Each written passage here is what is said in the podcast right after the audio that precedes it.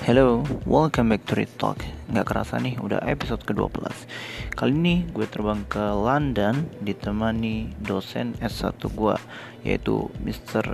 Ryan Ramdhani Jayusman Beliau bercerita tentang perkembangan yang signifikan Terkait COVID-19 di United Kingdom selama bulan Maret ini. Samping itu, beliau juga menanggapi bagaimana efek COVID terhadap uh, ekonomi global. Ya udah, langsung aja kita dengerin. Stay tuned.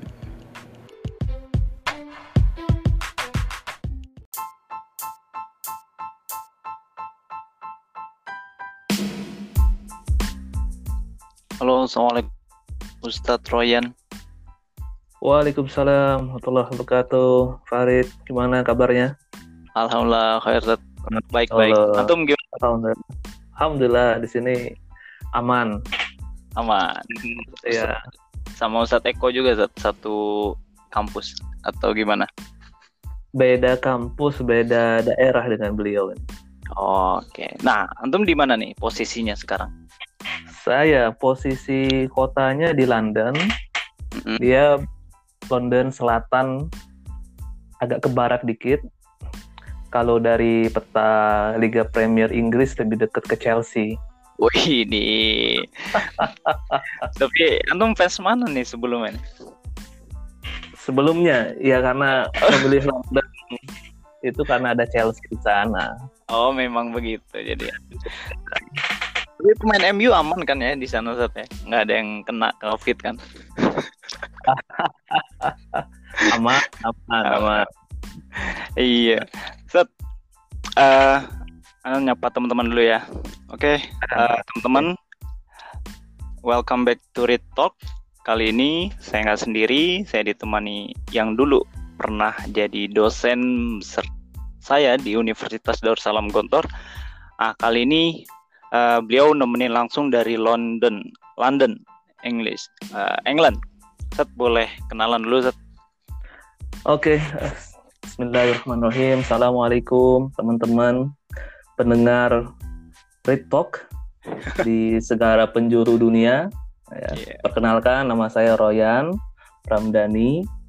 Saat ini sedang menempuh studi S3 di Kingston University, London. Saya sekarang mengambil jurusan ekonomi. Wow. Oke, okay, itu saya kira ekonominya dia Islam atau global satu lebih ke mana? Ah, untuk yang di tempat saya ini emang konsentrasinya ekonomi umum. Uh -huh. Namun karena background saya adalah ekonomi Islam ya, jadi hmm? tema ekonomi Islamnya itu dari di topik riset kita nanti. I see. Itu yang kita masukkan tapi okay. nama program studinya atau departemennya ya ekonomi umum. Oke, okay. siap siap. Mm -hmm. uh, Oke, okay, COVID-19 kita ke topik ya Zat ya. Nah, siap. kalau kita lihat perkembangannya makin masif nih Zat di beberapa negara. Tapi memang di awalnya di mungkin di China dan lain sebagainya sudah mulai agak mereda gitu. Tapi untuk di beberapa mm -hmm. negara itu justru makin meningkat kayak Indonesia contohnya. Nah, ini sekarang mm -hmm. udah angka positifnya di angka seribuan yang meninggal di angka 80-an. Nah, kalau di Inggris sendiri mhm. gimana sih perkembangan COVID-19 sendiri? Oke, kalau kita lihat dari apa timeline waktunya itu hmm. kalau di Cina kan mulai akhir Desember 2019 ya. Iya. Yeah itu pada saat yang sama di Inggris ya tidak tidak begitu serius apa tidak begitu apa berdampak secara langsung dengan apa keadaan sosial di masyarakat di Inggris. Hmm. Namun mulai akan kelihatan dampaknya itu adalah di akhir um, Januari mau masuk awal Februari mm-hmm. terutama setelah uh, kasus yang cukup meningkat di Italia karena penyebaran yang di Inggris ini banyak disebabkan dari uh, mobilisasi warga negara atau orang yang pernah ke Italia kemudian kembali ke Inggris. Oh. Lebih banyak disebabkan itu. Apalagi kan Inggris saat ini meskipun sudah Brexit tapi kan masih dalam masa apa penyesuaian ya, masa Iya. masa peralihan sampai akhir 2020. Jadi mobilisasi masyarakat Eropa itu ya sangat bebas. Jadi tidak Bebas. perlu visa kan dari Iya betul. antar negara Eropa. Jadi di situ mulai Mm. awal Februari itu sudah mulai kelihatan kasusnya, mulai dari dua kasus sampai sekarang itu 14.500-an kasus lah sampai 14.000. terakhir Wow, 14.000. Mhm. lumayan ya. Dua bulan peningkatannya luar biasa kalau kita bicara grafik itu.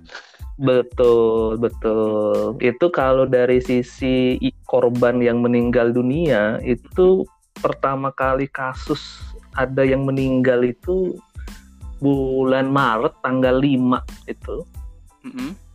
Itu satu orang, orang pertama yang meninggal dunia disebabkan oleh COVID-19. Awal bulan ini Sam- berarti ya. Betul, betul. Sampai bulan ini juga ya tanggal 28 sekarang ya. Mm-mm. 27 kemarin itu yang total korban meninggal dunia sudah mencapai 750-an. Waduh. Jadi dalam sebulan ini cukup drastis. Riskan juga ya. Mhm. Paling banyak di daerah mana Tat, kalau di Inggris itu? Kalau di Inggris yang jelas dari petanya London itu yang paling banyak sekitar 200-300-an. Hmm. Yang kedua daerah tengah atau daerah Midland tapi agak ke barat dikit itu yang daerah dekat Birmingham, kemudian Manchester. Itu yang kedua. Oh, berarti eh, kota Antum ini termasuk yang zona merah ya?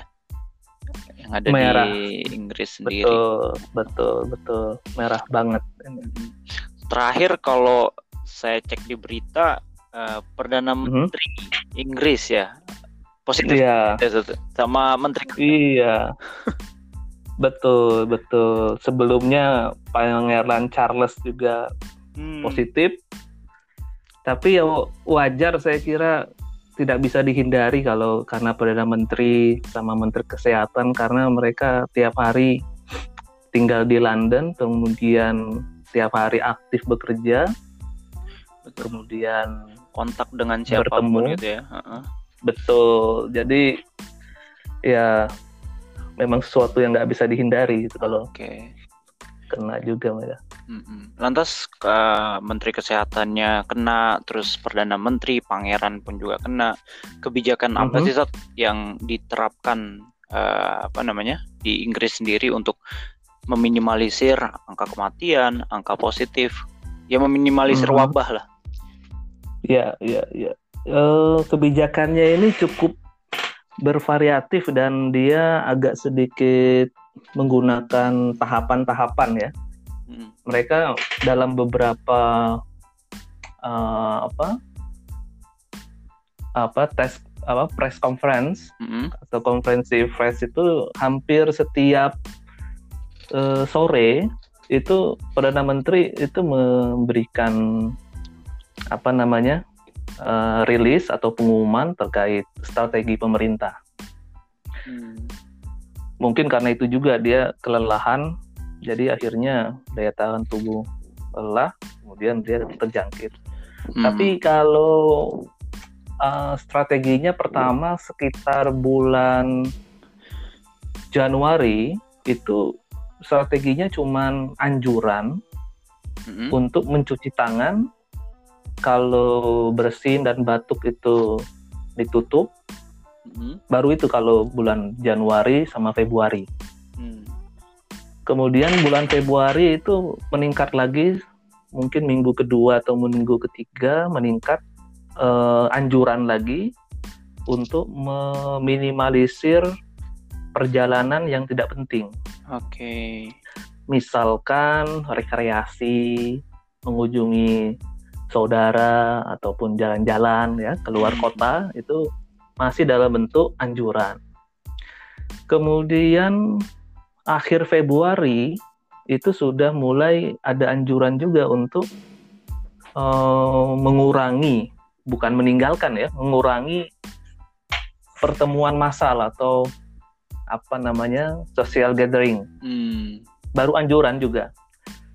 Nah baru sekitar pertengahan Maret ya bulan ini ya, mm-hmm. minggu pertama atau minggu kedua Maret itu baru ada anjuran juga yang agak keras itu untuk mengurangi social gathering yang efeknya sekolah mulai ditutup, hmm. libur ya, yeah.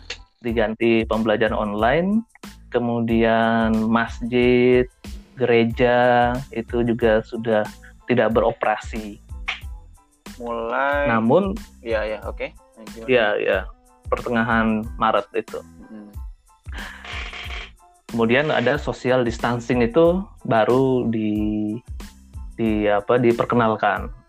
Oke. Okay. Nah setelah bersamaan itu juga dianjurkan apa namanya self isolation. Jadi mengkarantina diri sendiri kalau mereka merasakan atau ada warga yang merasakan gejala-gejala awal COVID-19 ini. Oke. Okay. Oke. Okay. Nah, tapi baru uh, baru satu minggu kemarin hmm. Senin ya Senin itu baru ada instruksi ya semi lockdown lah semi lockdown itu bar pub restoran itu baru ditutup oke jadi baru paling ini semi lockdown itu ya Seth ya? Di pertengahan Maret iya. itu iya baru mulai bertahap di situ. Itu baru di ya setelah itu baru minggu ini baru agak keras peringatannya yaitu uh, harus tinggal di dalam rumah hmm. kecuali keluar kecuali untuk belanja kebutuhan pokok okay. ataupun ke rumah sakit tapi olahraga kayak lari pagi naik sepeda hmm. itu masih dibolehkan oh justru masih dibolehkan ya Tete? Iya. Itu karena apa ada kecenderungan apa orang banyak nanti semisal kok yang lari ternyata banyak, yang uh, naik sepeda iya. banyak itu gimana? Iya, karena dari beberapa apa namanya konferensi pers dari pemerintah Inggris sendiri mereka selalu bersandar kepada uh, fakta temuan ilmiah. Jadi berdasarkan sains hmm Kalau di luar ruangan itu penyebarannya sangat minim selama kita menjaga social distancing, nggak berinteraksi dan Terus, kontak langsung gitu ya, Zat, ya. Betul. Dan kalau olahraga masih dianggap untuk menambah kebugaran, kemudian daya tahan tubuh masih bisa dijaga, mm. sehingga masih masih dibolehkan olahraga yang okay. sifatnya di luar outdoor ya. Oke okay, oke. Okay. Terus itu semi lockdown itu diterapkan di seluruh kota di Inggris atau bagaimana? Iya seluruh kota di Inggris termasuk negara yang di dalamnya ya. Hmm. Ada Wales, Wales, Wales Scotland, ah. sama okay. dengan Irlandia Utara. Oke oke oke oke. Berarti memang ya hampir ke semua negara COVID ini memang jadi wabah. Ya bahkan WHO sudah menetapkan menjadi pandemik global. Nah kalau kita lihat mm-hmm. kita naik ini skala global. Betul antum juga uh, ambil studi doktor di ya ekonomi di Inggris. Nah ini gimana? Iya iya. iya. Yang terjadi saat ini dampak ekonomi global seperti apa? Oke. Ekonomi global itu kalau saya melihat dari kasus yang di Inggris ya, kemungkinan bisa menjadi sampel.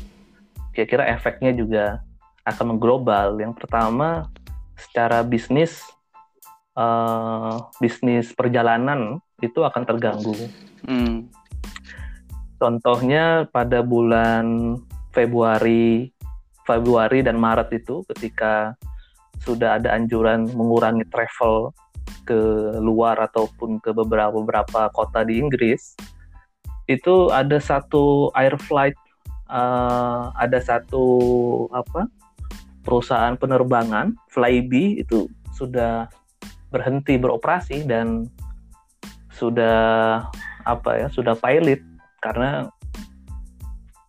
permintaan terhadap tiket itu banyak yang uh, turun bahkan banyak yang membatalkan demandnya rendah ya semakin rendah. Hmm. Jadi salah satu isu ekonomi dari dampak COVID-19 ini karena apalagi negara memperlakukan lockdown, hmm. Otomatis kan bisnis akan berhenti, perusahaan banyak yang tutup, dan aktivitas ekonomi uh, juga akan terganggu. Misalkan ada yang seharusnya bekerja mendapatkan penghasilan mm-hmm. akibatnya sekarang tidak bisa bekerja dan Betul. tidak ada income tentu akan mengganggu dari sisi uh, dari sisi kemampuan dia membeli Betul. Seseorang membeli dan akhirnya akan mempengaruhi permintaan juga. Namun kalau diambil contoh pemerintah Inggris sudah memikirkan dan sudah memiliki kebijakan terkait hal ini.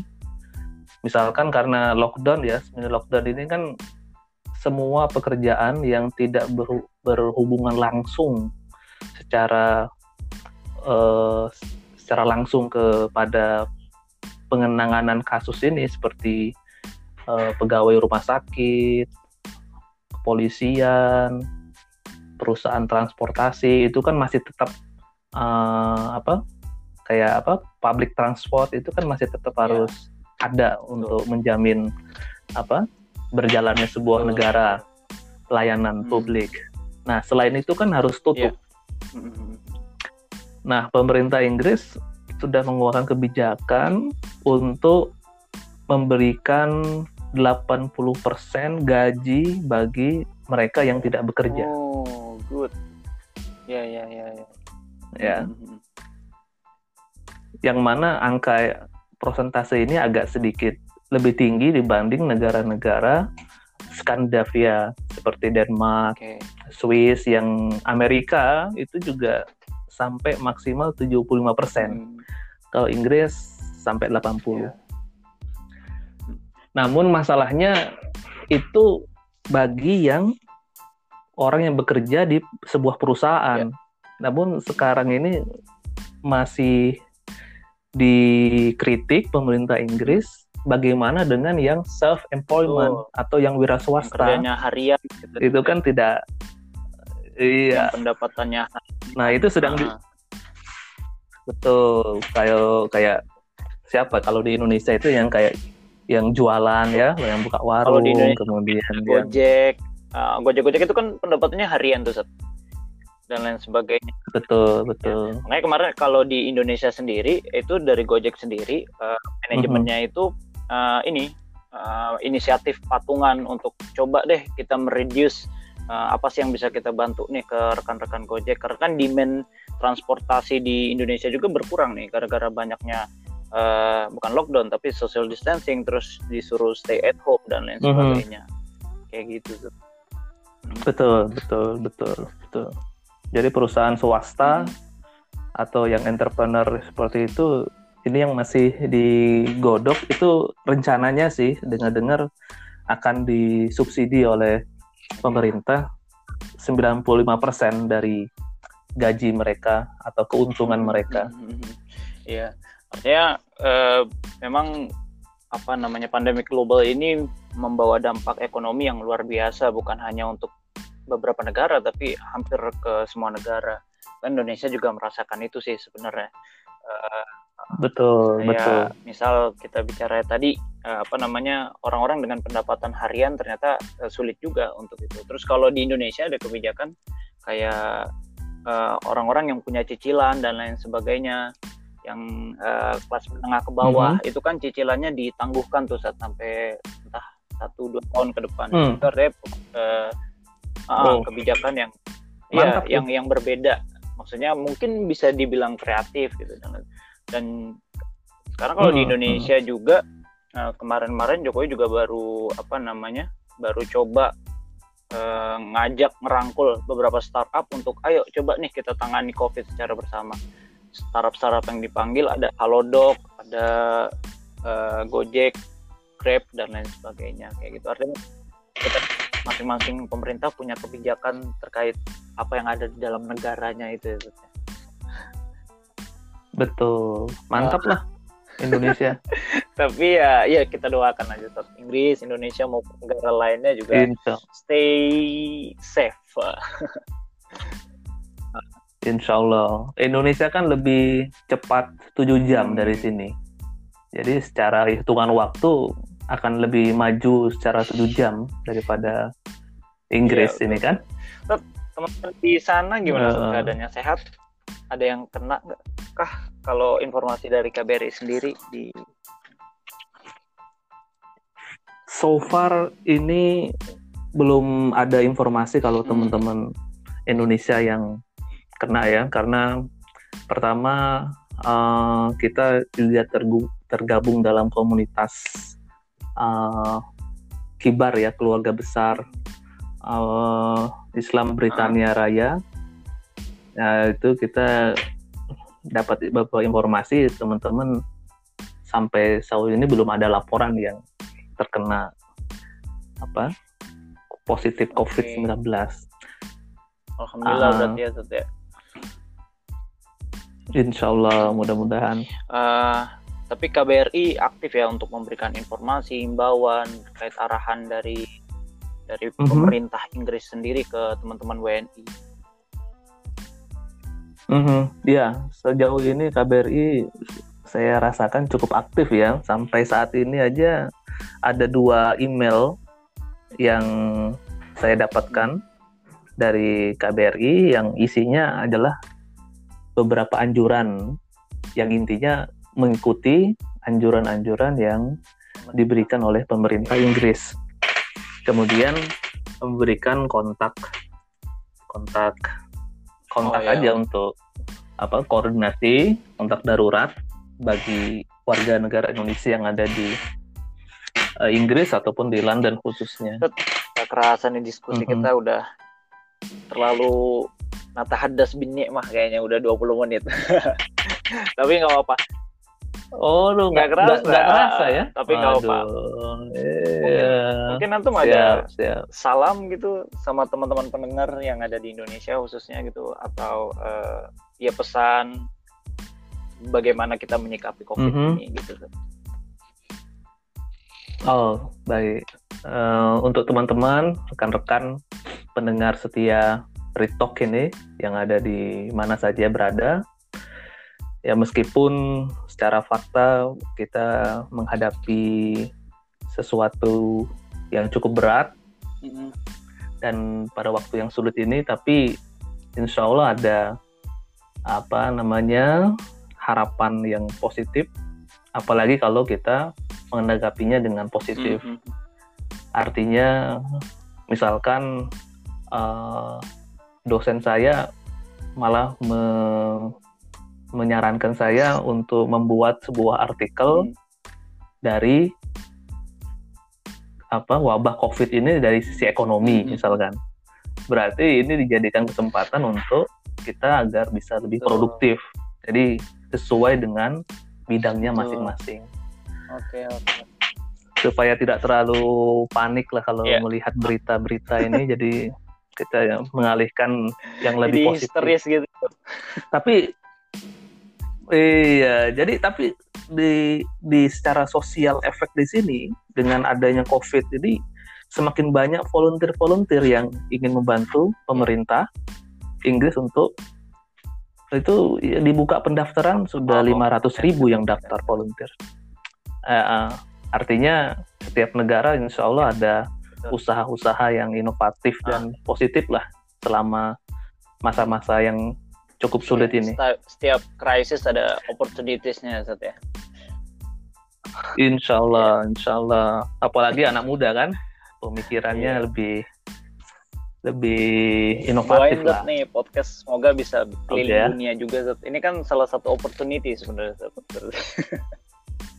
Betul, betul. Karena ada opportunity ini, saya jadi tahu Ancor FM ini. Jadi saya tahu Retalk ini. ya mungkin ke depannya media Ya. ini juga bisa buat media antum untuk berbagi ide, opini dan lain sebagainya.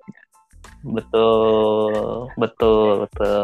Alhamdulillah Eh, salah satu iya. hikmahnya ini saya bisa Iya. belajar. Oke, Setroyan, makasih banyak waktunya udah eh Ana udah makan waktu antum hampir setengah jam nih. Mohon maaf nih kalau ganggu waktunya. Oh, masya Allah, alhamdulillah. Senang kalau bisa ngobrol dengan Farid ini. Kita terakhir ketemu di, di dua Ah, tahun ah, yang ah, lalu ya saat waktu eh, kepanitiaan eh, 2018 Gitu ya. Iya, wisuda ya. Ah. Aduh, alhamdulillah. Ya udah, oke Zat. Eh, Oke. Terakhir, semoga eh, antum dan juga teman-teman di sana, warga negara Indonesia khususnya, selalu diberi kesehatan, kemudian diberi kekuatan untuk menjalankan segala aktivitasnya di masa-masa wabah seperti ini. Eh, Amin, amin, Oke amin. teman-teman, eh, mungkin cukup sekian. Cukup lama tapi menarik diskusi kita karena tadi juga kita menyinggung bagaimana ekonomi dampak terhadap ekonomi global dan juga eh, negara dengan eh, angka yang cukup signifikan kalau kita bandingkan dengan negara-negara lainnya. Untuk kabar di negara-negara lain, tetap simak podcast Great Talk ini.